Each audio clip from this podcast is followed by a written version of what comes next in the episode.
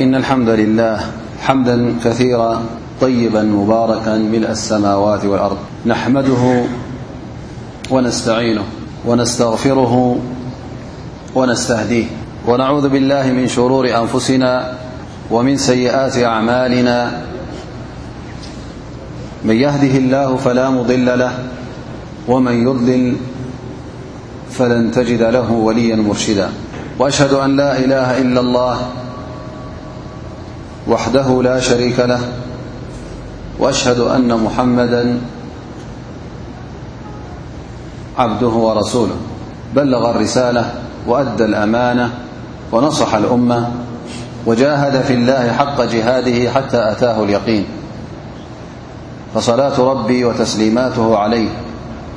وعلى من استن بسنته واقتفى أثره واتبع هداه وآله وصحبه ومن تبعهم إلى يوم الدين وبعد فضلكم أوت السلام عليكم ورحمة الله وبركاته لم إن شاء الله تعالى آي مبلأربا لس سورة التوبة كنجمرنا أعوذ بالله من الشيطان الرجيم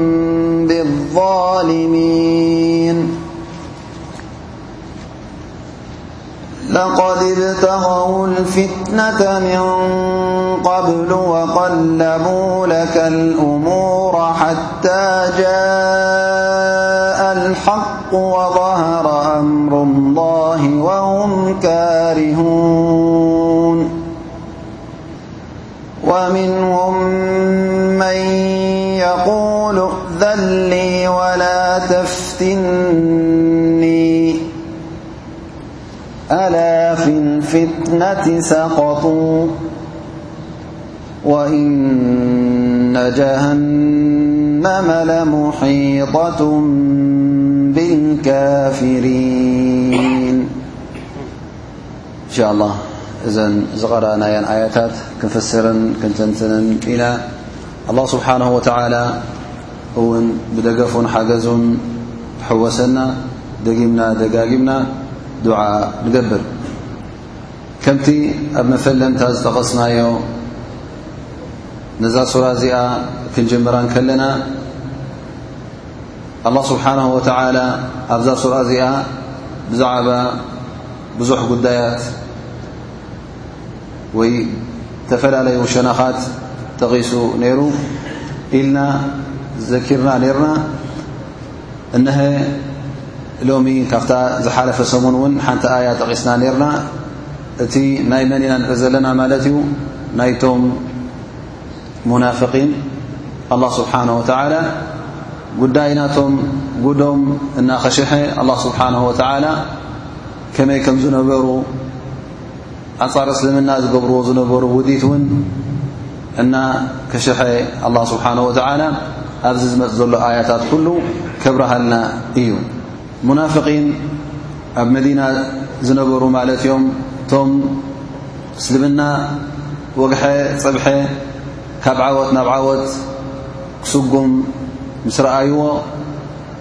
እሞ ኸኣ ነዚ ናህሪ እስልምና ደው ከብልዎ ስለ ዘይከኣሉ ኣብቲ ዘለዎ መርገጽ ማለት ካብቲ መስርዕ እስልምና ወጺኦም እንከለዉ ክቃለስዎ ደው ከብልዎ ስለ ዘይከኣሉ ክዓግትዎ እውን ስለ ዘይኮነሎም ኣብ ውሽጢ እስልምና ኣብቲ መስርዕ ኣስላም ኣትዮም ነዚ መስርዕ እዚ ሕንፍሽፍሽታን ግጭትን ካልእ ዓይነት ዘይምርግጋእን ንኸእትውሉ ፈተነታት ንኽገብሩ ኣስላም ኢና ኢሎም ሽም እስልምና ሒዝና ኢሎም ናብ እስልምና ኢና ኣቲና ኢሎም እነሀ ኣብ እስልምና ኣትዮም ከብቅዑ ኣብ ክንዲ ልክዕ ከምቶም ኣመንትን ከምቶም ኣስላምን ቀጢሎም መገዶም ሒዞም ዝኸዱ ዝተፈላለየ ሽግራት ምስልምና ክፈጥሩሉ ጀሚሮም ማለት እዩ እዛ ሱራ እዚኣ ካብቲ ኣስማትናታ ውን ኣልፋጢሓ ትበሃል ማለት ነቶም ሙናፍቒን ጉዶም ስለ ዝቐልዐቶም እዛ ሱራ እዚኣ ኣልፋዲሓ ትሰምያ ዳርጋ ፍርቂ ሱራ እዛ ሱራ እዚኣ ዝኸውን ወይ ከዓ ካብ ፍርቂ ንላዕሊ ዝኸውን ኩሉ ብዛዕባ ተግባራት ሙናፍቒን ከምኡ ውን ናይ ነፍሶም ድልትን ዊንታን ከመይ ከም ዝነበረ ኣላ ስብሓን ወተዓላ ኣብዚ ዝመፅ ዘሎ ኣያታት ኩሉ ክኸሽፈልና እዩ ማለት እዩ ከምኡ ውን መርገፃቶም እውን ኣላ ስብሓን ወተዓላ የብርሃልና ማለት ኩናት ክእዘዝ እንከሎ ክተቱ ክበሃል እንከሎ እቲ መርገፅ ናቶም ኩሉ ግዜ ምስቶም ዝተርፉን ምስቶም ዘትሓርሕሩን ንነብሶም ጥራይ ተሪፎም ዘይኮኑ ንኻልኦት ዝልክሙን ከም ዝነበሩ ኣላ ስብሓን ወተዓላ እውን ክሕብረና ዩ ኣብ ተቡቅ ኮይኑ ቅድሚኡ እውን ኣብ غዝወት እሑድ ሕማቕ ታሪኽን ሕማቕ ተግባርን ኣትሪፎም እዮም ኣላ ስብሓን ወተዓላ እውን እቲ ናይ ውሽጦም ጉዶም እውን ከመይ ከም ዝነበረ እንታይ እዩ ተሓሳቦም ከም ዝነበረ እውን ኣላ ስብሓን ወተዓላ ኣብዛ ሱራ እዚኣ ቐሊዕዎ ማለት እዩ ንኽተርፉ ዝጥቀምዎ ዝነበሩ እውን እቲ ዝጥቀምዎ ዝነበሩ ስልቲ እውን ኣላ ስብሓን ወተዓላ ሓቢሩና ማለት እዩ ኣብ ርእሲኡ ኩሉ ግዜ ነቶም ኣመንቲን ነቶም ሙስሊሚን ሰናይ ከም ዘይደልዩሎም ንነቢና ሙሓመድ صለ ላሁ ለ ወሰለም ጥራይ ክጎድኡ ነቶም ብፆቶም ነቶም ንፁሓን ብፆቶም እውን ክጎድእዎምን ሕማቕ ክፈድዎምን ይርከቡ ነይሮም ስለዚ ኣላ ስብሓን ወተዓላ ካብዞም ሰባት እዚኦም እውን ካብዞም ሙናፍቒን ነቶም ኣመንቲ የጠንቅቖም ነይሩ ማለት እዩ እቲ ክኸውን ዘለዎ ርክብ ምስዞም ሙናፊቒን እውን ልክዕ ከምቶም ጸላእቲ ክረኣዩ ኣለዎም። በል እዚኦም እውን ካብቶም ግዳማውያን ጸላእቲ እዞም ኣብ ውሽጢ ኮይኖም ዝሰርሑ ዘለዉ ጸላእቲ እሶም ከም ዝኸፍኡን ብጣዕሚ ኣብ ክሕደትን ኣብ ዝኸፍአ ኣብ ዝበኣሰ ጸላምን ከም ዘለዉ ኣላህ ስብሓነሁ ወተዓላ ሓቢሩና ማለት እዩ። ስለዚ ሙናፍቒን ነንሕዶም ኣውልያኡ ባዕድ፣ ነንሕዶም ደጋገፉን ነንሕዶም ዝተዓዋወቱን ዝፋቐሩን ገይርዎም፣ እቶም ኣመንቲ ድማ ነንሕዶም ይደፍኑን ይቀራረቡን ይተዓዋወቱን ኢሉና ማለት እዩ። ስለዚ ኣብ መንጎቶም ብሓቂ ኣመንትን ኣብ መንጎቶም ሙናፍቒን ዓብዪ ጋብ እዩ ዘሎ። ክራኸቡ ዘይክእሉ ክልተ ጨንፈር እዮም ማለት እዩ ስለዚ ኣላ ስብሓን ወተዓላ ካብዞም ከም ዝኣመሰሉ ሰባት ኣመንቲ ኢና እናበሉ ተግባራት ክሓቲ ዝፍፅሙ ኩሉ ግዜ ነቲ ሽርዒ እስልምናን ነቲ እስልምና ንኽዕንቅፉን ንኽዓግቱን ጥራይ ከም ዝሰርሑ ካብኦም እውን ክንጥንቀቕ ከም ዘለና ኣላ ስብሓን ወተዓላ እቲ ናይ ኣብ ግዜ ነቢና ሙሓመድ ለ ላه ሰለም ተረኽበ ጉዶም ክቐልዖ እንከሎ ብድሕሪ ሕጂ እውን እዚ ጉዳይ እዚ እውን ክቕፅል ከም ዝኽእል ንዕኦም ዘመሰሎ እውን ክርከቡ እዮም ነቲ እሶም ዝሰርሕዎ ዘለዉ ስራሓት እውን ዝፍፅሙ እውን ኣይክሰኣኑን እዮም ስለዚ ዝኾነ ይኹን ሙእሚን ኣስላማይ ካብዞም ሰባት እዚኦም ክጥንቀቕ ኣለዎ ካብዚ ከምዝኣመሰለ ተግባራት እውን ክርሕቅን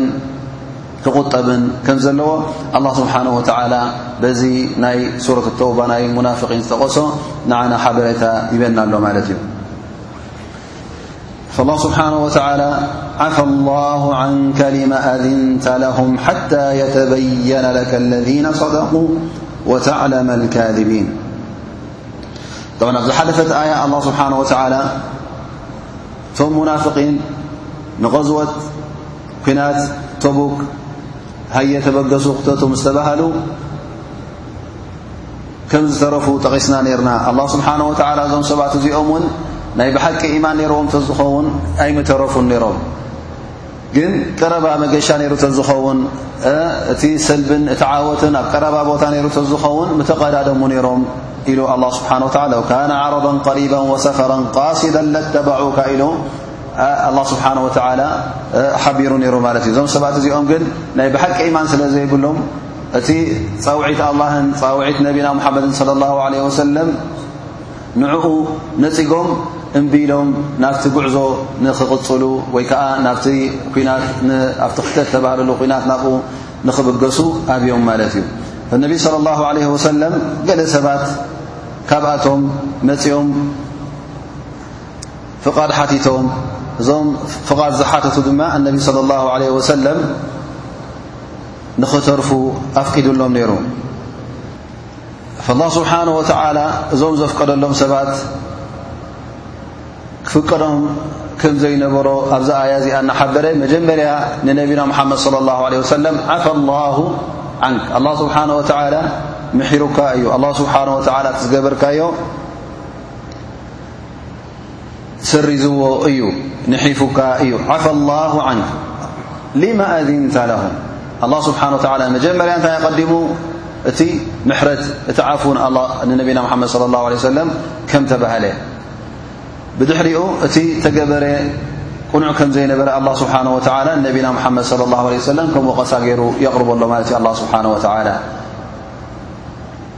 ዓፈ ኣላሁ ዓንካ ሊማ ኣዚንተ ለሁም ስለምንታይ ኣፍቂድካሎም ማለት እዞም ሰባት እዚኦም ክፍቀዶም ኣይነበረን ንኽተርፉ ክሓቱ ከለዉ ሕራይ ትረፉ ኢልካ ከተፍቅደሎም ኣይነበረካን እዩ ኢሉ ኣላ ስብሓን ወተዓላ ነቢና ሙሓመድ ለ ላሁ ለ ወሰለም ይሕበሮም ኣሎ ማለት እዩ ጠብዓ እዚ እቲ መጀመርያ ናይ ኲናት ተረኸበሉ ማለት እዩ ግን ብድሕሪኡ ኣላ ስብሓን ወተላ ኣብ ሱረት ኑር እንተ ርእና ነቢ ስለ ላሁ ለ ወሰለም ንኸፍቅድን ንኸየፍቅድን ኣላ ስብሓን ወተላ ፍቓድ ሂብዎ እዮም ግን ቅድሚ ሕጂ ብናቶም እጅትሃድ ዝገበርዎ ማለት እዩ ነቢ ስለ ላሁ ለ ወሰለም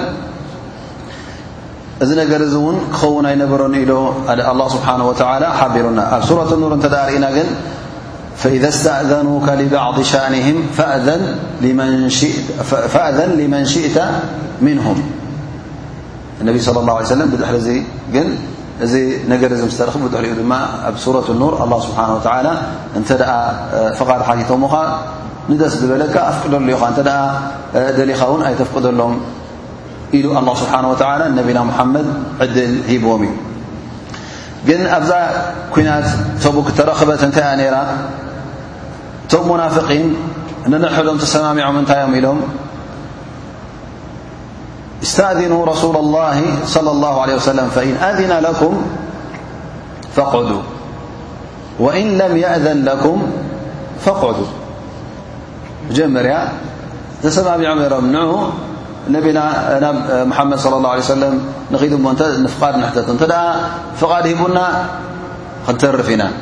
ፍቓድ ተዘይሃበና እውን ክንተርፍ ኢና ስለዚ ንዑናይ ፍቓድ ተሃበና መታ ንስኻ ኢኻ ዳሕራይ እውን ገለ እንተተረኸበስ ብፍቓድ ኢና ተሪፍና ኢልና ምእንቲ መዛረቢ ንክረኽቡ ማለት እዩ ذ ه ስብሓ እዞም ሰባት እዚኦም ብቐደሙ ንኽተርፉ ሃቂኖም ስለ ዝነበሩ ንኲናት ውን ድልት ስለ ዘይነበሮም ኣብቲ ፃውዒ ተገበረ ናይ መኽታእት ውን ክካፈሉ ሓሳባት ስለ ዘይነበሮም ኣላ ስብሓን ወተላ እዞም ሰባት እዚኦም እቲ ኒፋቅ ናቶም ንኽግላ እቲ ዘለዎ መርገፅ ንኽፍለጥ ከተፍቅደሎም ኣይነበረካን እያ ረሱላ ላህ ምኽንያቱ የል ሓታ የተበየነ ለከ ለذነ صደق ወተዕለመ ካذቢን እቲ ብሓቂ ሽግር ኣለዎ ኮይኑ ናይ ብሓቂ ቅቡል ምኽኒት ኣለዎ ኮይኑ ዝተርፍ ዘሎን ዘይተርፍን እውን ንኽፍለጥ እቲ ብሓቂ እውን በዓል ኢማን ሽዑ እንተ ደኣ እስኻ ኣይትትረፉ ኣነ ኣየፍቀድኩልኩምን እንተ ደኣ ኢልካዮም ብድሕሪኡ እንተ ደኣ ተሪፎም ኣብ ቅድሚ ب دሚ سب كل نفقنቶم ክقله ዩ لذ ت ዘيتفقደሎም مሓش ر ا ت قኑع ر ل الله سبحانه وتعلى نبنا محمد صلى الله عليه وسلم يحبر حتى يتبين لك الذين صدقوا في إبداء الأعذر እ عذر ና مخنታ ዝنሩ شعم ري نر ተ ካذን እቶም ሓሰውቲ ድማ ብዘይኮነ ብዘይሎ ምኽንያት ምኽንያት ኣሎ ዝብሉ ዝነበሩ ምኽንያት ኣለና ዝብሉ ዝነበሩ ምኽኒት ዘይነበሮም እንከሎ እሶም እውን ምተረኣዩ ነይሮም ኢዘን እቲ ብሓቂ ንዓኻ ዝምእዘዝ እቲ ናትካ ትእዛዝ ዝቕበል መን ከም ምዃኑ ክሳዕ ዝፍለጥ፣ እቲ ሓሳዊ ድማ ክሳዕ ዝረኤ፣ እቶም ንኽተርፉ ውን ብቐደሙ ሃቂኖም ዝነበሩ ውን ንኽምመዩን ንኽግልሁን ከተፍቅደሎም ኣይነበረካን ኢሉ ኣላህ ስብሓን ወተዓላ ንነቢና ሙሓመድ ለ ላሁ ለ ወሰለም ኣብዚ ኣያታት እዚ ይሕብሮም ማለት እዩ ሊኣን እቲ ፍቓድ ዝሓትት፣ ካብ ሰናይ ተግባር፣ ካብቲ ናይ መገዲ ጅሃድ፣ ካብኡ ንኽትተርፍ ፍቓድ ዝሓትት፣ እዚ ሰብ እዚ ንገዛእ ርእሱ ትእይማን ዘይብሉ ምኽንያት ነይርዎ እንተዝኾን ናይ ብሓቂ እዚ ካልእ ጉዳይ ግን ብዘይ ምኽኒት ባዕሉ ምኽኒት እናቕረበ ኣነ ምኽኒት ኣለኒ እናበለ ፍቓድ ክሓትት ከሎ እዚ ንገዛእ ርእሱ ትእይማን ከም ዘይብሉ እዩ ዘርኢ ዘሎ የቁል ላ ስብሓን ወተዓላ ላ የስተእዚኑከ ለذነ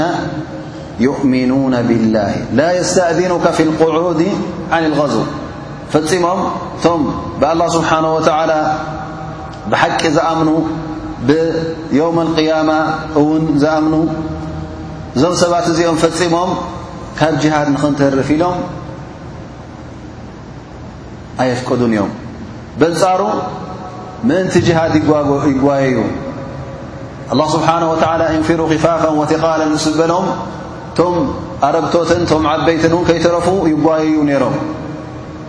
እዚኦም እቶም ሰብ ኢማን እዮም። እቶም ኢማን ዘይብሎም ግን ጻውዒት ናይ ጅሃድ ክግበር እንከሎ እንታይ እዮም ዝገብሩ ምኽኒት ደልዩ ንኽተርፉን ንኸድሓርሕሩን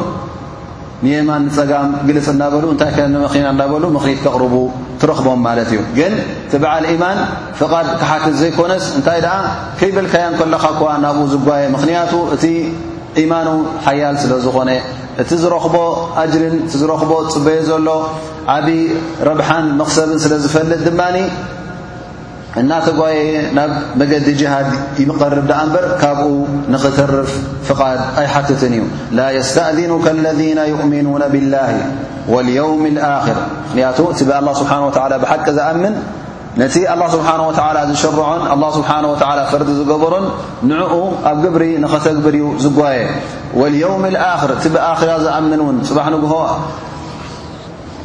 እንተ ኣብ ጅሃድ ተኻፊሉ ኣብዚ ቓልሲ እዚ ተኻፊሉ ምእንቲ ኣላ ስብሓን ወተዓላ ተቓሊሱ ብማሉን ብገንዘቡን ዝጽበዮ ዘሎ ኣብ ዮም ኣልቅያማ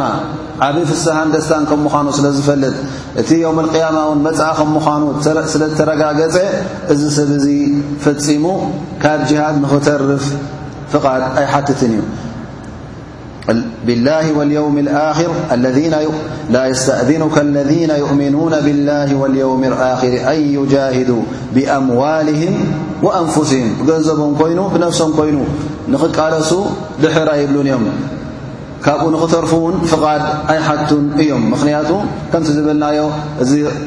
ተግባር እዚ ናብ ኣላ ስብሓን ወተዓላ ዝያዳ ዘቕርቦም ከም ምዃኑ ስለ ዝፈልጡ ኣጅሪ ዝያዳ ዘኽስቦም ከም ምዃኑ ኣጅሪ ናይ ሙጃህድ ኣጅሪ ናይ ሸሂድ እውን ስለ ዝፈልጡ ፈፂሞም ድሕር ኣይብሉን እዮም ዝብል ዘሎ ኣላ ስብሓን ወተዓላ ወላሁ ዓሊሙ ብልሙተቒን ኣላ ስብሓን ወተዓላ እውን እቶም ተቕዋ ዘለዎም እቶም ፈራሃት ረቢ እውን ኣላ ስብሓን ወተዓላ ይፈልጦም እዩ ካብኦም ካብ ኣላ ስብሓን ወተዓላ ዝሕባ የለን እቶም ኣብ ልቦም ፍርሃት ረቢ ዘለዎም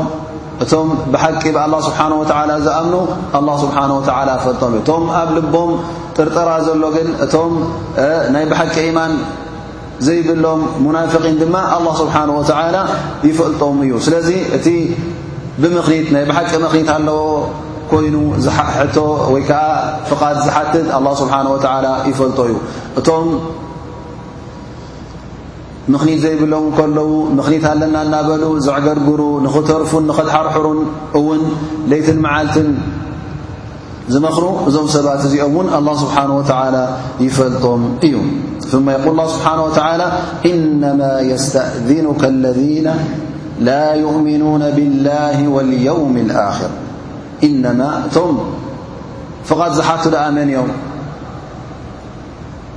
እቶም ፍቓድ ዝሓቱ ካብዚ ቃልሲ እዚ ካብዚ ኣጅሪ እዚ ካብዚ መኽሰብ እዚ ንኽተርፉ ዘድሓርሕሩ ብፍቓድ መን እዮም እቶም ፍቓድ ዝብሉ ኩሉ ግዜ ብዘይ ቅቡል ምኽኒት እቶም ብሓቂ ብኣላ ስብሓን ወተዓላ ዘይኣምኑ እቶም ብሓቂ ብዮም ኣልቅያማ እንታይ ከም ዝጽበዮም ዘሎ ዘይኣምኑ እዚኦም እዮም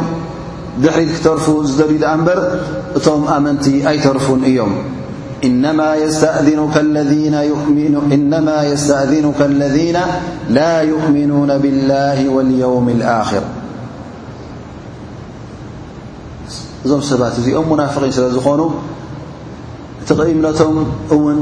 ናይ ብሓቂ እምነት ስለ ዘይኮነ እቲ ዝገብርዎ ዘለዉ ተግባር እቲ ዝግበር ዘሎ ጅሃድ እውን ክካፈሉ ከለዉ ናይ ኣዱንያ ረብሓ ደልዮም እዮም ዝኣትዉ ደኣ እምበር ኣብ ዮም ኣልቅያማ ፅበዮም ዘሎ ተዋብ ኣብ ዮም ኣልቅያማ ፅበዮም ዘሎ ዓስቢ ፈፂሞም ስለ ዘይኣምኑሉ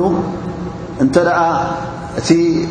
ኲናት ኣድካሚ ኮይኑ ኣሸጋሪ ኮይኑ ወይ ከዓ ርሑቕ ቦታ እንተ ኮይኑ ብቐሊል ነገር ክብፃሕ እተ ዘይከኣል ኮይኑ እታ ጉዳይ ብናይ ኣዱንያ ሚዛን ስለ ዝመዝንዋ እንታይ እዮም ክገብሩ ማለት እዩ ይተርፉ ማለት እዩ ምኽኒት ይጠልቡ ፈኢዘን ኣጅሪና ዮም ኣልቅያማ ክሳዕ ክንደይ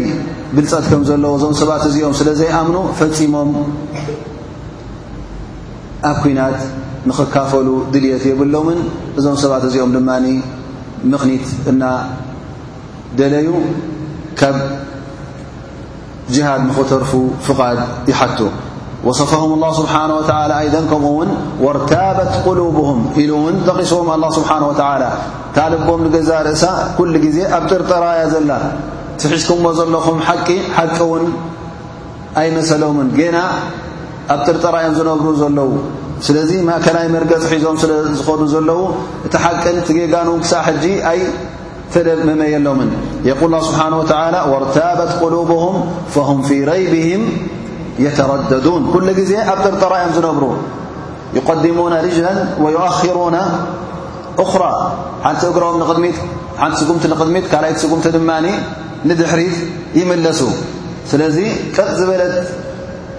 መርገጽ ኣይረገጹን ክሳዕ ሕጂ። ስለዚ ማእከላይ መርገጽ ረጊጾም ይኸዱ ስለ ዘለዉ ኣይ ምሳኹም ኣይ ምስቲኦም ኮይኖም ምሳኹም ኢና ንዓኹም ይብሉ ብቐትሪ ብወጋሕታ ሰብ ዝርእዮም ብለይቲ ብጸላም ድማ ምስቶም ክሓቱ ኮይኖም ንሕና ምሳኹም ኢና እናበሉ ኣፍትን ኣፍትን እናበሉ ማእከላይ መርገጽ ሒዞም ዝዀኑ ስለ ዝዀኑ እዞም ሰባት እዚኦም ኩሉ ግዜ እቲ ሒዞሞ ዘለዉ መገዲ መገዲ ጥፍኣት ከም ምዃኑ ኣላ ስብሓን ወተላ ይሕብር ማለት እዩ ወርታበት ቁሉብሁም ፈሁም ፊ ረይብህም የተረደዱን ኩሉ ግዜ ኣብቲ ሸክ ኣብቲ ጥርጠራ ኣብኡ ጥራዮም ላዕልን ታሕትን ዝብሉ ዘለዉ ንቕድሚት እንተብልካዮም ንቕድሚት ኣይከዱን ድሕሪት ተመለሱ ተብልካዮም ድማ ንድሕሪት ኣይምለሱ ላንጋ ላንጋ ዝኾነ መርገጽ ሒዞም እዮም ዝኸዱ ዘለዉ እቶም ካሓቲ ውጹዓት ካሓቲ ቦታኦም ፍሉጥ እዩ እቶም ኣመንቲ ድማ ናይ ብሓቂ ኣመንቲ ቦታኦም ፍልጥ እዩ እቶም ኣሸጊሮም ዘለዉ ማለት እዞም ላንጋ ላንጋ ዘለዉ ኩሉ ግዜ ብጥርጠራ ዝነብሩ ንግሆ ወጋሕታ ኣመንቲና እናበሉ ኣማሰይቲ ምስ መሰ ድማ ምስቶም ካሓቲ ትረኽቦም እዚኦም ሙናፍቒን እዮም ኩሉ ግዜ እውን ጽኑዕ መርገጽ ከም ዘይብሎም ኣላ ስብሓን ወተዓላ ሓቢሩና ማለት እዩ በል እዞም ሰባት እዚኦም ነቲ ቓልሲ እውን ድልት ኣይነበሮምን እያ ሙሓመድ ናባኻ ክመፁ እንከለዉ ፍቓድ እውን ክሓቱ እንከለዉ ብቐደም እዞም ሰባት እዚኦም ተዳልዮም እውን ኣይነበሩን ሓደ ሰብ ምኽኒት ዘለዎ ሰብ ምናልባሽ መጀመርያ እቲ ዘድሊ ነገራት የዳሉ እሞ ኸዓ እናዳለዎ ከሎ ገለ ሽግር ኣብ መንጎ ኣጓኒፍዎ ሽዑ ከ ምኽኒት ክቕርብ እንከሎ እዚ ስብዚስ ተዳልዩ ነይሩ ተቐራሪቡ ነይሩ ገያሻይ ንኣብነት ክገይሽ እንከሎ ሕጂ ክገይሽ ክሓስብ እንከሎ ኩሉ ናይ መገሻ ነገር ትኬት ምቑራፅ እተ ደኣ ኮይኑ ናይ ስንቂ ኮይኑ ገንዘቡ ኮይኑ ክዳውንቱ ዝቕይሮ ኮይኑ ኩሉ ነገራት እንታይ እዩ ዝገብር የቀራርብ ማለት እዩ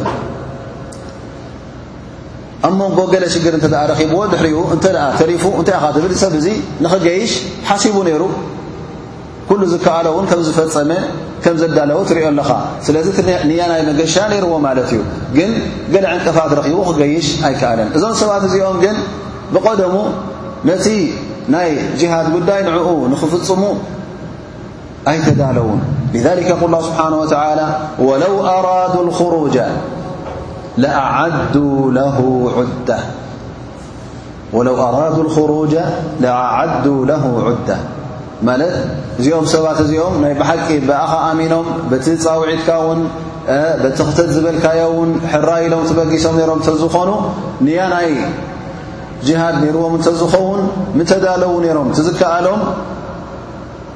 ናይ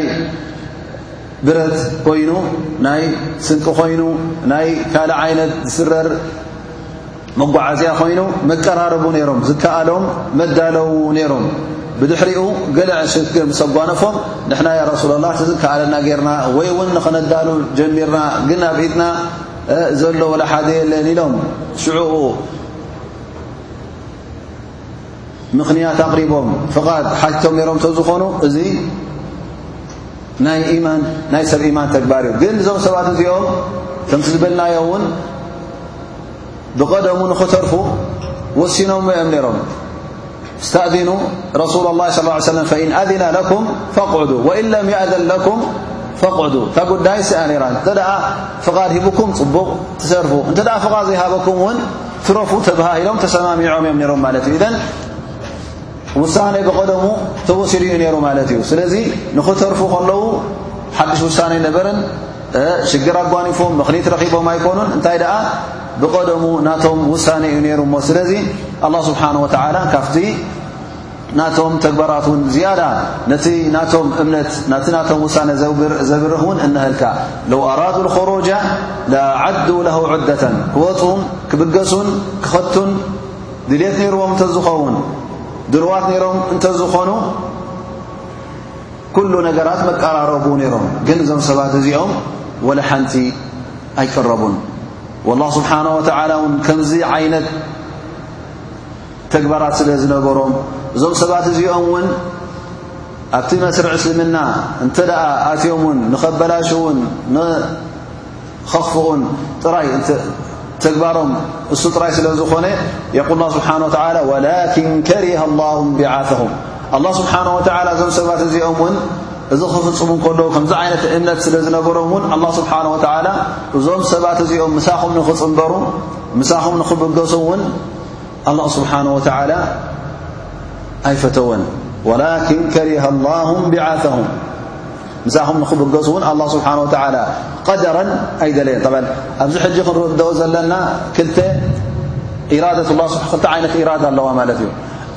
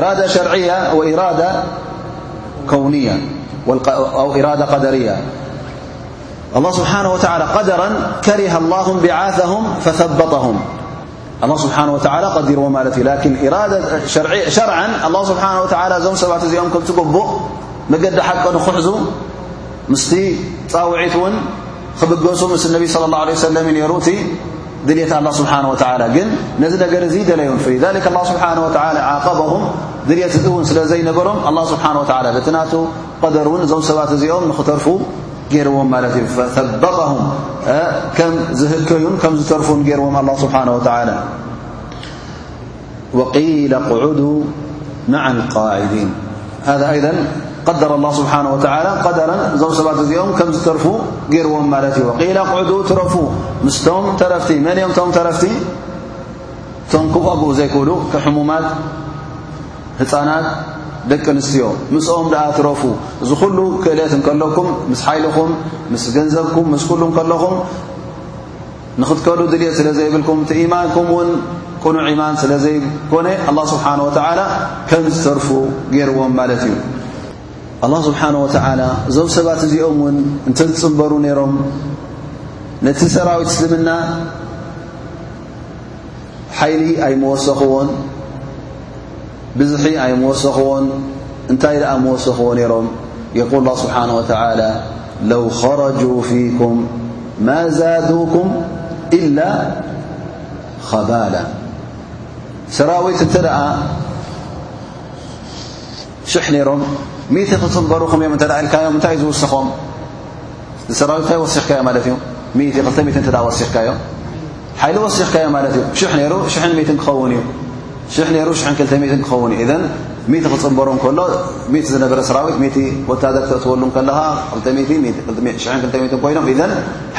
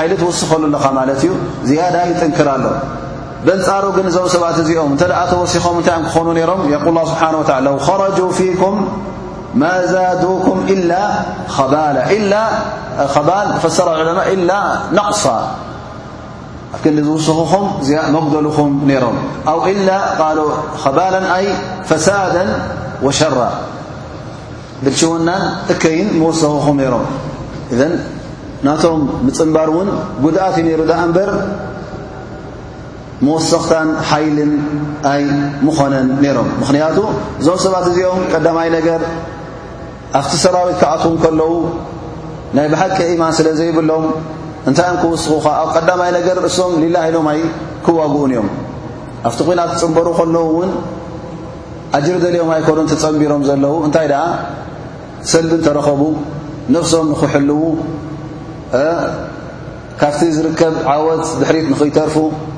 ኢሎም እዮም ኣትዮም ዘለዉ ስለዚ እዚ ከም ዝኣመሰለ ወታደራ ውሽጢ ሰራዊት እንታይ ክገብረካ ብዝያዳ ፍርህን ጎጅጎጃን ይኸእትወልካ ማለት እዩ ስለዚ እዞም ሰባት እዚኦም ትብዓት የብሎምን እቲ ቓልሶም እውን ሊላ ስለ ዘይኮነ እውን ብትብዓት ብእክላስ ብንጽህና እውን ኣይክዋግኡን እዮም لو خرجوا فيكم ما زادوكم إلا خبالا لأنهم قال جبناء ومخذلون ولأوضعوا خلالكم وأوضلأوضع بمعنى أ أسرع إسرع في المشي إسراع في السير فالله سبحانه وتعالى م سبات م بين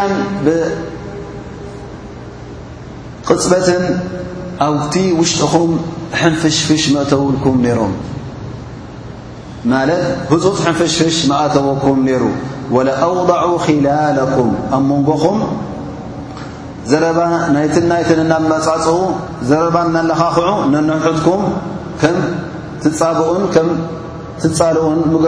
ምገበርኹም ነይሮም ሕንፍሽፍሽ እውን ነቲ ሰራዊት መእተውሉ ነይሮም ምኽንያቱ እዞም ሰባት እዚኦም ኩሉ ግዜ ብሰላም ንኸይትነብሩ ሰላም ኣብ መንጎኹም ሰላም ንኸይርከብ ሕውነትን ምትእሳር ንኸይርከብ እዩ ድልየቶም ከምኡ ውን ካብቲ ኣሸጋሪ ነገር እዞም ሰባት እዚኦም እቶም ሙናፍቒን ዝበሃል ነበሩ እቶም ናይ ኒፋቅ መሪሕነት ሒዞም ዝነበሩ ኣብቲ ህብረተሰቦም ቅቡላት እዮም ነይሮም ምኽንያቱ እዞም ሰባት እዚኦም ቅድሚ ነቢና ሓመድ صለ ላه ለ ሰለም ምምፅኦም ኣብቲ ቀቢላ ናቶም መራሕቲ ናይ ቀቢላ ኮይኖም ቃሎም ዝስማዕን ካብቶም ኣሽራፍ ካብቶም ክቡራት ካብቶም ሽማግሊ ዓዲ ዝበሃሉ እዮም ነይሮም ስለዚ እዞም ሰባት እዚኦም ኣብቲ ሰብ ተቐባልነት ስለ ዝነበሮም ገለ እውን ካብቲ ህዝቦም ካብቶም ቀቢላ ናቶም ኣብቲ ሰራዊት እስልምና ስለ ዘሎ ኣብ እስልምና ኣትዮም ነይሮም ግን ክሳዕ ሕጂ ነዞም ሰባት እዚኦም የኽብርዎም እዮም ዘለዉ እቲ ኒፋቅ ናቶም እውን ክሳዕ ሕጂ ኣይበረሃሎምን የቁል ላ ስብሓን ወተላ ወላ ኣውضዑ ኪላልኩም የብغነኩም ልፍትና ወፊኩም ሰማዑና ለሁም ሰራዊትኩም ንገዛእ ርእሱ ንዕኦም ዝሰምዕ ንዕኦም ዝምእዘዝ ኣሎ ስለዚ እሶም ዝበልዎ ዘረባ ዝቕበልዎ ሰባት ውሑዳት ኣይኮኑን እንተ ደኣ ተቐቢሎሞ ድማ ኣብ ውሽጥኹም ሕፍሽፍሽ ክኣትወኩም እዩ ምኽንያቱ እቶም ዝበልናዮም ሰባት እዞም ንዕኦም ዝፈትዉ ነዞም ሙናፍቒን ዝፈትዉ ነቶም መሪሕነት ናይ ሙናፍቒን ሒዞም ዝነበሩ ንዕኦም ዝፈትዉ ሙናፍቒን ኮይኖም ኣይኮኑን ዝፈትዎም ዘለዉ እንታይ ደኣ ናይ ቀደም እቶም ናይ ሽማግለ ናይ ዓዶም ስለ ዝነበሩ ናይታ ቀቢላ መራሒ ስለ ዝነበረ በዚ ሸነኽ እዚ ጽቡቕ ርክብ ነይርዎም ማለት እዩ ምስ ህዝቦም ክዛረቦም ከለዉ እውን ሕራ ይብልዎም ሕጂ እውን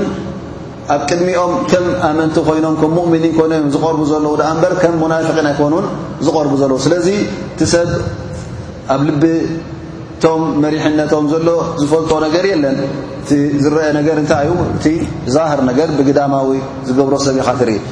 ፈኢዘን እዞም ሰባት እዚኦም እዞም ሙናፍቒን እዚኦም ኣብ ውሽጡኹም ንዕኦም ዝሰምዕ ንዕኦም ብኦም ዝምራሕ ሰብ ስለ ዘሎ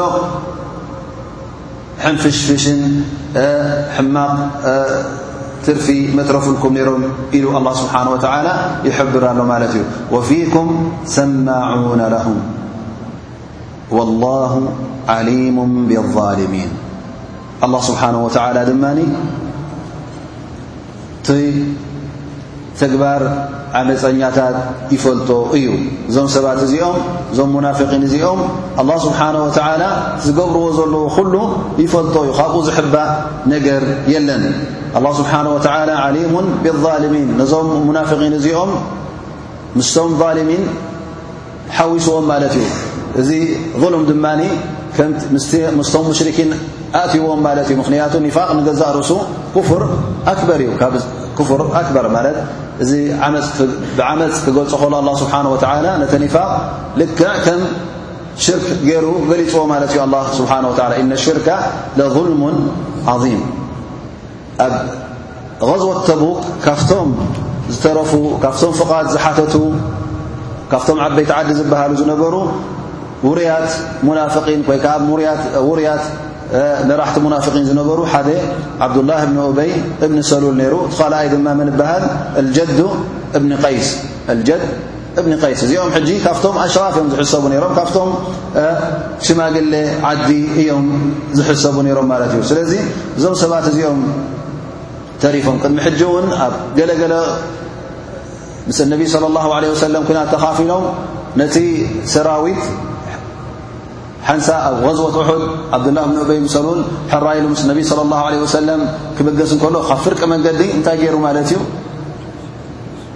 ንፍርቂ እቲ ሰራዊት ሒዙ ንድሕሪት ተመሊሱ ማለት እዩ እዚ ሕጂ እንታይ ወሲኾም ሃል እቲ ዝገበሮ ተግባር እንታይ እዩ ነሩ ማለት እዩ ብዝያዳ ነቲ ሰራዊት ዝነበረ ከድክም ኢሉ እዩ ገይርዎ ማለት እዩ መጀመርያ ተሪፉ ነሩ ቶ ዝኸውን ምሓሸ ነይሩ ኢዘን እዚ ሰብ እዚ ክም ዝኣመሰለ ተግባራት ገይሩ ነይሩ እነ ሕጂ እውን እዚ ሰብ እዚ እንተ ተሓዊሱ እውን ተ ኣብቲ ሰራዊት ተፀንቢሩ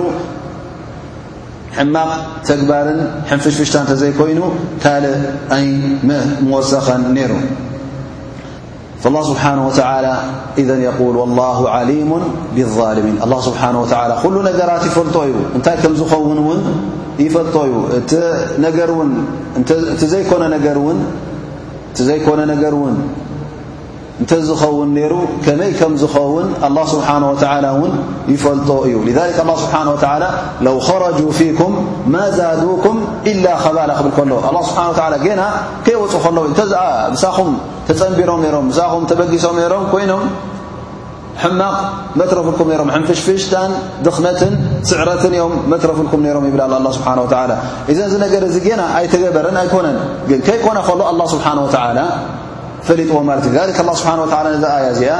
ወላሁ ዓሊሙ ብልሚን ዓሊሙ ኣን ላ ስብሓን ወላ ኩሉ ነገር ክፈልጥ ከም ምዃኑ ዝሕብኦ ነገር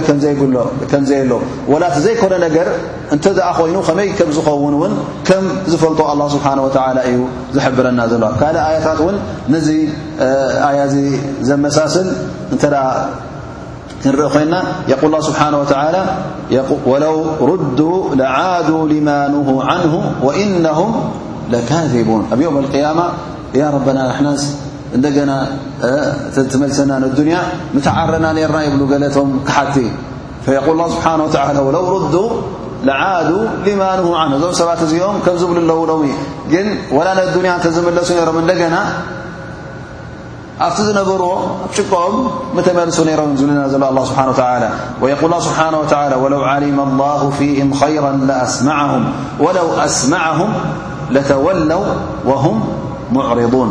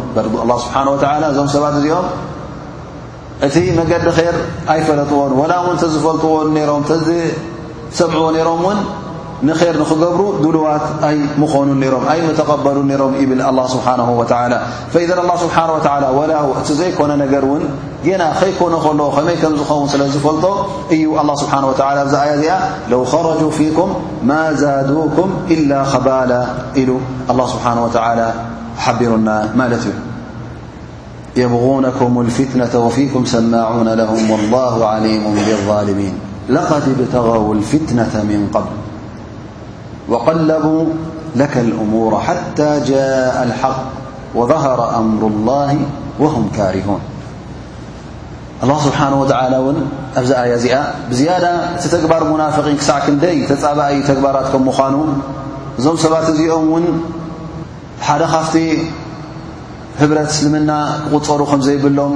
ካብቲ ማሕበር እስልምና እውን ክወፁ ከም ዘለዎም፣ ተፃባእቲ ክቑፀሩ ከም ዘለዎም፣ ብዝያዳ ኣንፃሮም ኣላህ ስብሓነሁ ወተዓላ ክንቃለስ ከም ዘለና የቁል ለቀድ ብተገው ልፊትና እዞም ሙናፊቒን እዚኦም ቅድሚ ሕጂ እውን ነቲ መስርዕ እስልምና ሕንፍሽፍሽ ንኸእትውሉ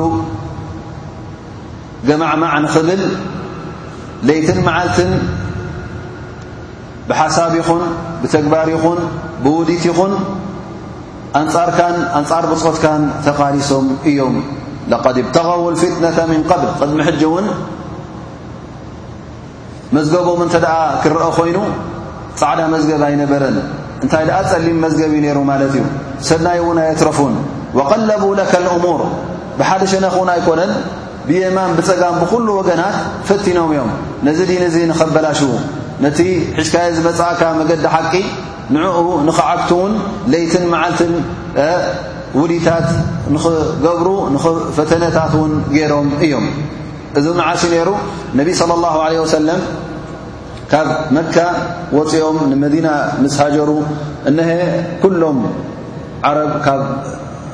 ቐቢላታት ዓረብ ካብ ቁረይሽ ጀሚርካ ኩለን ኣብ መካን ኣብ ወሰናስን መካ ዝነበሩ ጥቓ መካን ካብ ጣይፍ ዝነበረ ኩሉ ኣንጻር ነቢ صለ ላሁ ለ ወሰለም ኮይኖም ነቢና ሙሓመድ صለ ላሁ ለ ወሰለም ካብ መካ ከም ዝወፅእ ምስ ገበርዎ ንመዲና ከይዱ ኣብ መዲና ምስ ኣተወ የሁድ ከምኡ ውን ቶም ሙናፍቒን ኣንጻር እስልምና ይቃለሱ ነይሮም ማለት እዩ ኣብ ኩናት በድር ዓወት ምስ ተረኽበ ግን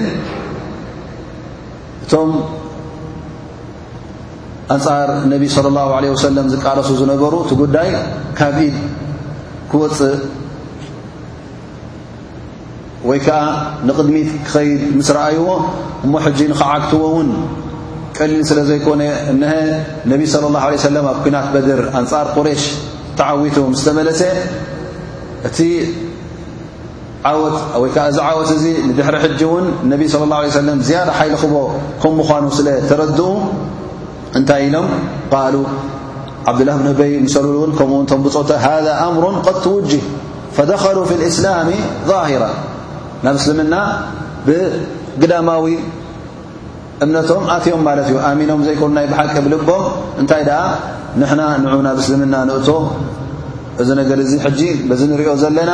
ካብ ኢድና እናወፀ ዩ ዝኸይ ዘሎ ስለዚ ምስኡ ኣለና መሳኹማና እናበልና ምስኡ እናመሰልና ድላይና ንክንገብር ኢሎም ተሰማሚዖም ማለት እዩ ናብቲ እስልምና ኣትዮም ግን እስልምና መዓልታዊ ስጉምቲ ናቱ እና ተመሓየሸን ካብ ዓወት ናብ ዓወት ክጎናፀፍ ምስተረ ክኸይድ ከሎ ኩሉ ግዜ እዚ ነገር እዚ እንታይ ዝገብሮም ነይሩ ማለት እዩ ብጣዕሚ ልቦም የሕርሮም ነይሩ ማለት እዩ ብጣዕሚ የሸግሮም ነይሩ ሊክ እዚ ነገር እዚ ክርከብ ከሎ ተዓወት ክርከብ ከሎ ኩሉ ግዜ ደስ ብሎም ኣይነበረን ሊክ ላ ስብሓን ወላ ይል ወቀለቡ ለከ ልእሙራ ሓታ ጃء ልሓቅ ንግሆን ምሸትን ይቃለሱ እዮም ነይሮም ነቲ እስልምና ንክዓግቱ ሓታ ጃء ልሓق ወظሃራ ኣምሩ ላህ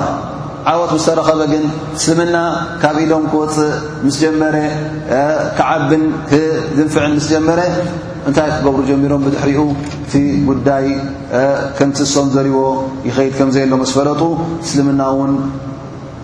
እሶም ደስ ኣይበሎም ወሁም ካሪሁን ከይፈተዉ በፍጭኦም ዓወት ካብ ዓወት ናብ ዓወት እናተጎናጸፈ እኸይድ ጀሚሩ ማለት ሓታ ጃ ኣልሓቁ ወዛሃረ ኣምሩ ላሂ ወሁም ካሪሁን እስልምና ክዕብልልን ክጥንክርን ክሕይርን ከሎ ደስ ብሎም ኣይነበረን በፍንጭኦም ከይፈተዉ እዩ ዝኸይድ ነይሩ ማለት እዩ ንሶም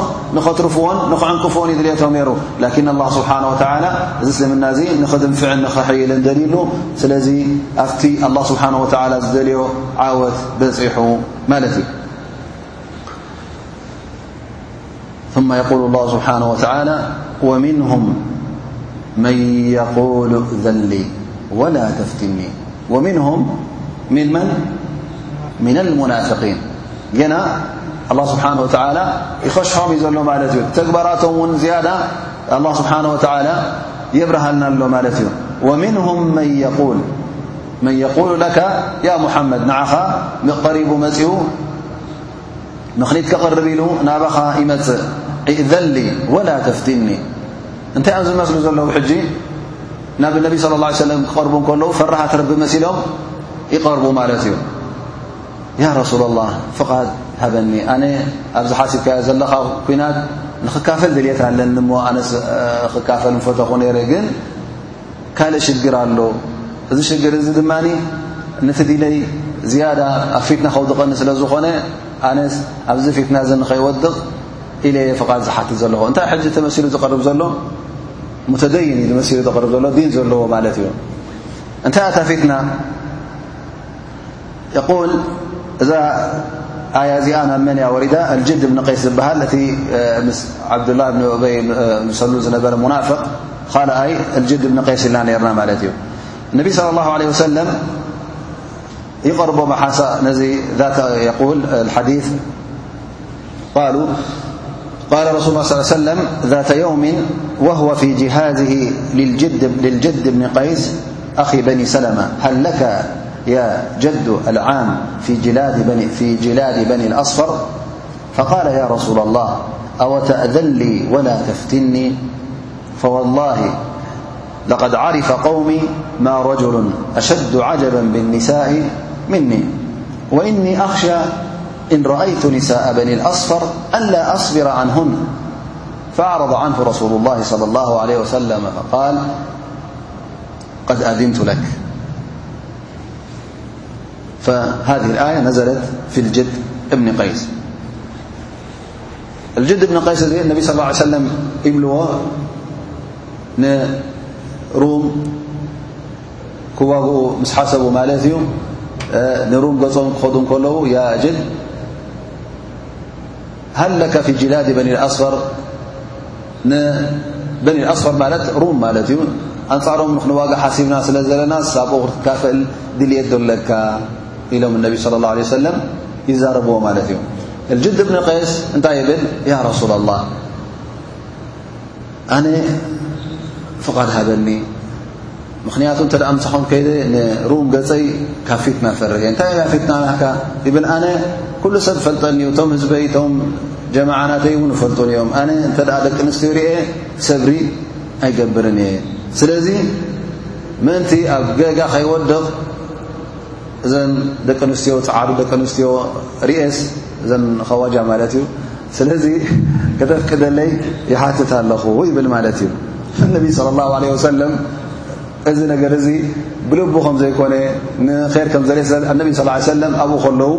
ኣዕረض ዓን ድ ኣዚንቱ ለክስኻ ገዛእ ርእሱ ይተድልየና ኻ ኢልዎ ኢዘ እዚ ሰብ እዚ ሕጂ እንታይ መሲሊ እዩ ዝቐርብ ዘሎ እቲ ዘቕርቦ ዘሎ ምኽኒት እንታይ እዩ ሸሪዓዊ ምኽኒት ዩ ዘቕርብ ዘሎ ማለት እዩ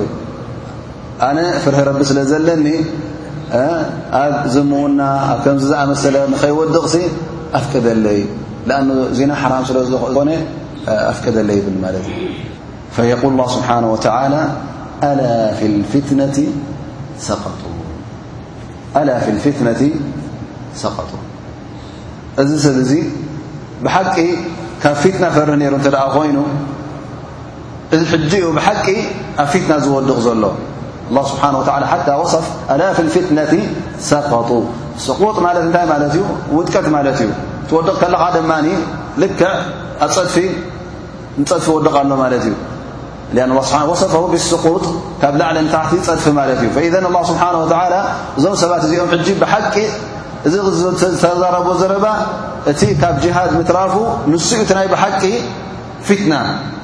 ምክንያቱ እንታይ ዝገብር ዘሎ ስ ነቢ صለ ه ሰለ ክእዝዝ እከሎ ምእዘዛ ክመሓላለፍ እከሉ ነዚ ምእዘዛ ክትንፅግ ከለኻ ንገዛ ርእሱ ዙ እቲ ፊትና ከመይ ጌርካ ስኻ ኣሰ እተ ናይ ብሓቂ ጣዓት ላ ወረሱሉ ደሊ ኮንካ እሞ ኣነስ ጣዓት ላ ንረቢ ፈሪሀ እየ ካብ ዝምውና ፈሪሀ ትብል ኣብ ርእሲኡ ድማ ኣላ ስብሓን ወላ እንፊሩ ክፋፈን ወቃል እናበለካ ከሎ ነቢ صለ ላሁ ለ ወሰለም እውን ክተት እናበለካ ከሎ ትእዛዝ እናሃበካ ከሎ ነዚ ትእዛዝ እዙ ትነፅግ ዘለኻ ከመይ ጌርካ ኢኻ ነቲ ደስ ዝበለካን ደስ ዘይበለካን መሪፅካ ትእዛዝ ኣላ ስብሓን ወተላ ወይ ትእዛዝ ነቢና ሓመድ ስ ሰለም ይቕበልን ኣይቅበልን ትብል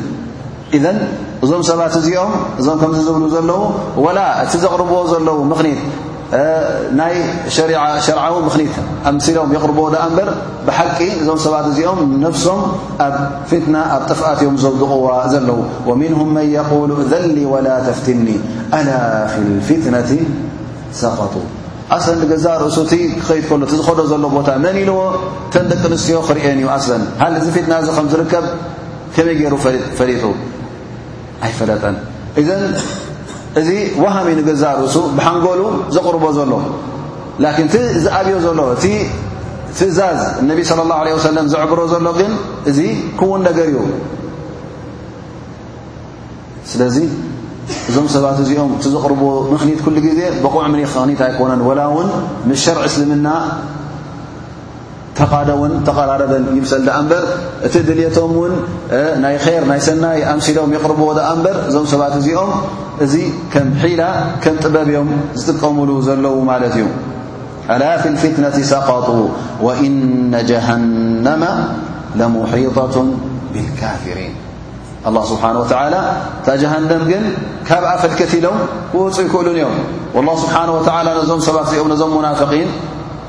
ብምንታይ ይገልጾም ኣሎ ብኣነሁም ካፍሪን ኩፋር ማለት እዩ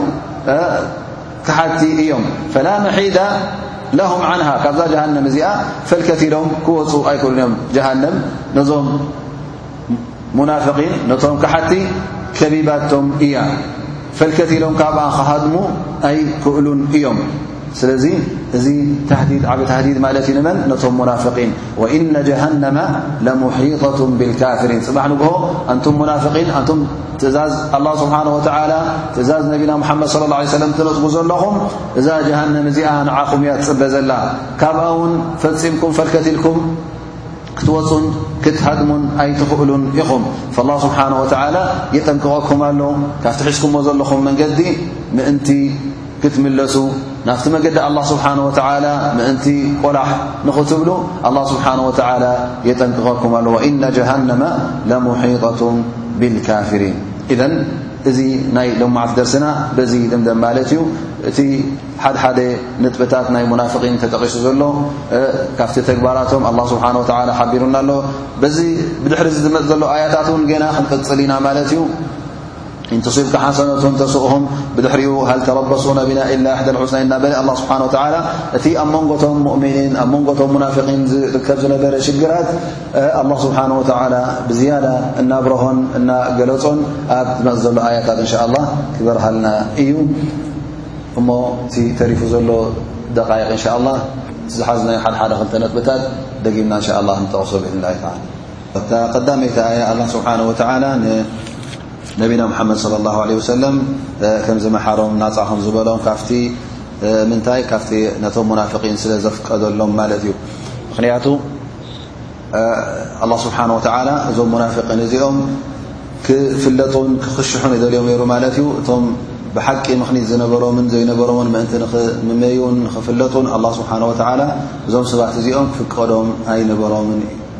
ኢሉ ንነቢና ሙሓመድ ሰለላሁ ዓለይሂ ወሰለም እዚ ዝተወስደ ስጉምቲ ክኸውን ከምዘይ ብሉ እዩ ኣላ ስብሓን ወተላ ጠቂሱ ግን ኣላ ስብሓን ወተላ ነቢና ሓመድ ስ ሰለም ከም ዝመሓሮም ድማ ኣረጋጊፁልና ማለት እዩ ኣላ ስብሓን ወተላ ድማ እቶም ሙናፍቒን ከመይ ከም ዝነበሩ ኣላ ስብሓን ወተላ ይሕብረና ኣሎ ብግዳሞም መልክዕ ናይ ኣስላማይ ሒዞም ክኸዱ ኣስላም ሽም ኣስላም ሒዞም ውን እና ክኸዱ ሽም ኣስላም ሒዞም ክጓዓዙ ከለዉ ብውሽጦም ግን እስልምና ንኽዕወት እስልምና ንቕድሚቲ ክስጉም ድልት ኣይነበሮምን ድልት ስለ ዘይነበሮም ድማ ተፈላለየ ዕንቅፋታት ይገብርሉ ከም ዝነበሩ ኣላ ስብሓን ወተዓላ ኣብዘን ዝቐርኣናያን ኣያታት እውን ሓቢሩና ማለት እዩ ኣብዛ ኣያ እዚኣ ውን ነቢ صለ ላه ለ ወሰለም እዞም ሰባት እዚኦም መፂኦም ፍቓድ ክሓቱ ከለዉ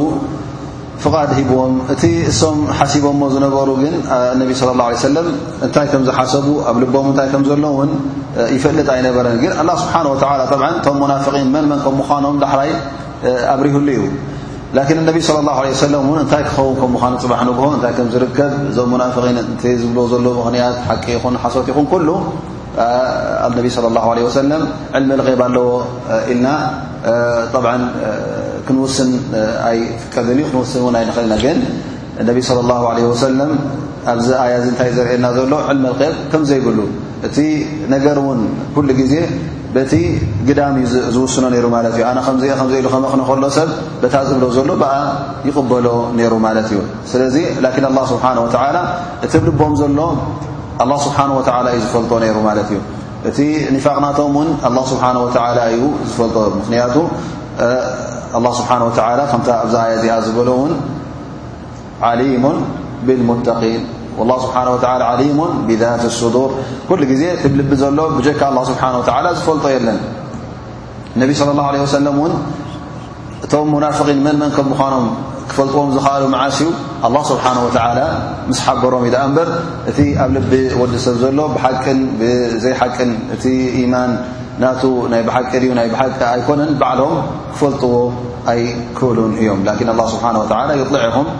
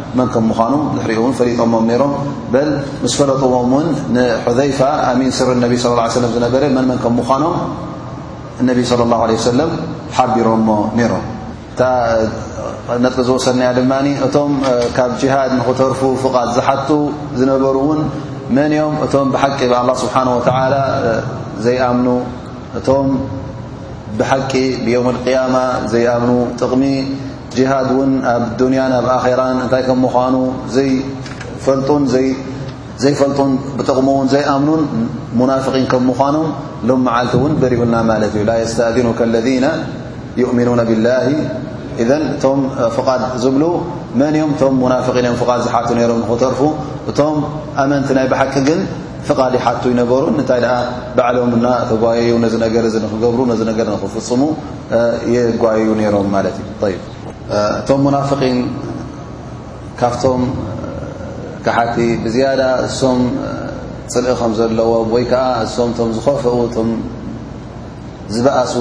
ፀላእቲ ከም ምዃኖም በሪሁልና ኣሎ ማለት እዩ ግን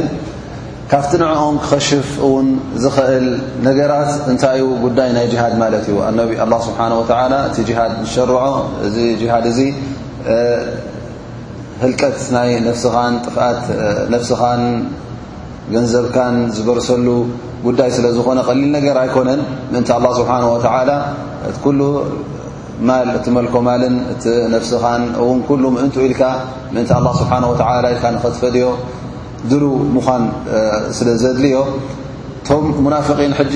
ጉዳይ ጅሃድ ይኸሽፎም ማለት እዩ ምኽንያቱ ሓደ ሰብ እንተ ደኣ ብሓቂ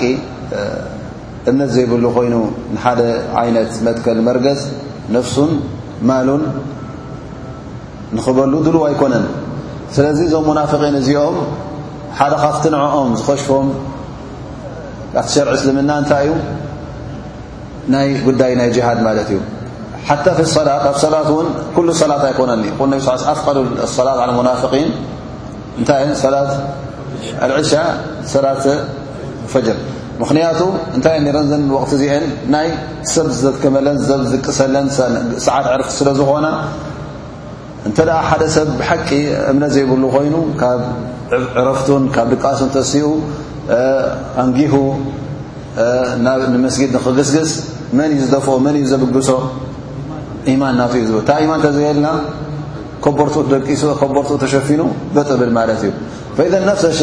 እቲ ዒባዳ ኣሎ ነቲ ሙና ዙህርን ዓስርን ግን ኩሉ ሰብ ስለ ዝርዮ እጓይ ማለት እዩ ንኡ ንክመፅእ ቀሊል እዩ ካልኣይ ነገር እውን ካብቲ ሕክማ ዝበለዎ ዑለማ ስለምንታይ እዮም ፈጅርን ኣልዕሻን ዘይርከቡ ነይሮም ፀልማ ጠዕ ነቲ ግዜ እቲ ልቺ ነበረን ፀልማት እዩ ነይሩ ማለት እዩ ሓታ መን መፅኡን መን ኣይመፀን ኣይትፈልጥን ኢኻ እሶም ኣስላን ክሰግዱ ከለዉ ምእንቲ መን እዮም ዝመፁ ሊላ ኣይኮኑ ዝመፁ እንታይ ደኣ ንሕና ኸላስ ኣመንቲ ኢና ኢሎም ሙስሊም ኢሎም ኣብ ቅድሚ ሰብ ከም ሙስሊም ኮይኖም ክቐርቡ እዮም ደልዮም ዘለዉ ማለት እዩ ስለዚ ኣብቲ ሰዓት ብርሃን ዙህሪን ዓስርን መቕሪብን ሰብ ዝርእሎም ሰዓታት ክተርፉ ይክእሉን እዮም እመፁ ነይሮም ማለት እዩ ፀልማት ክኸውን ከሎ ግን መን ከይርእየና ኢሎም ይተርፉ ማለት እዮም ወየንሰውና ኣን ኣላ ስብሓን ወተላ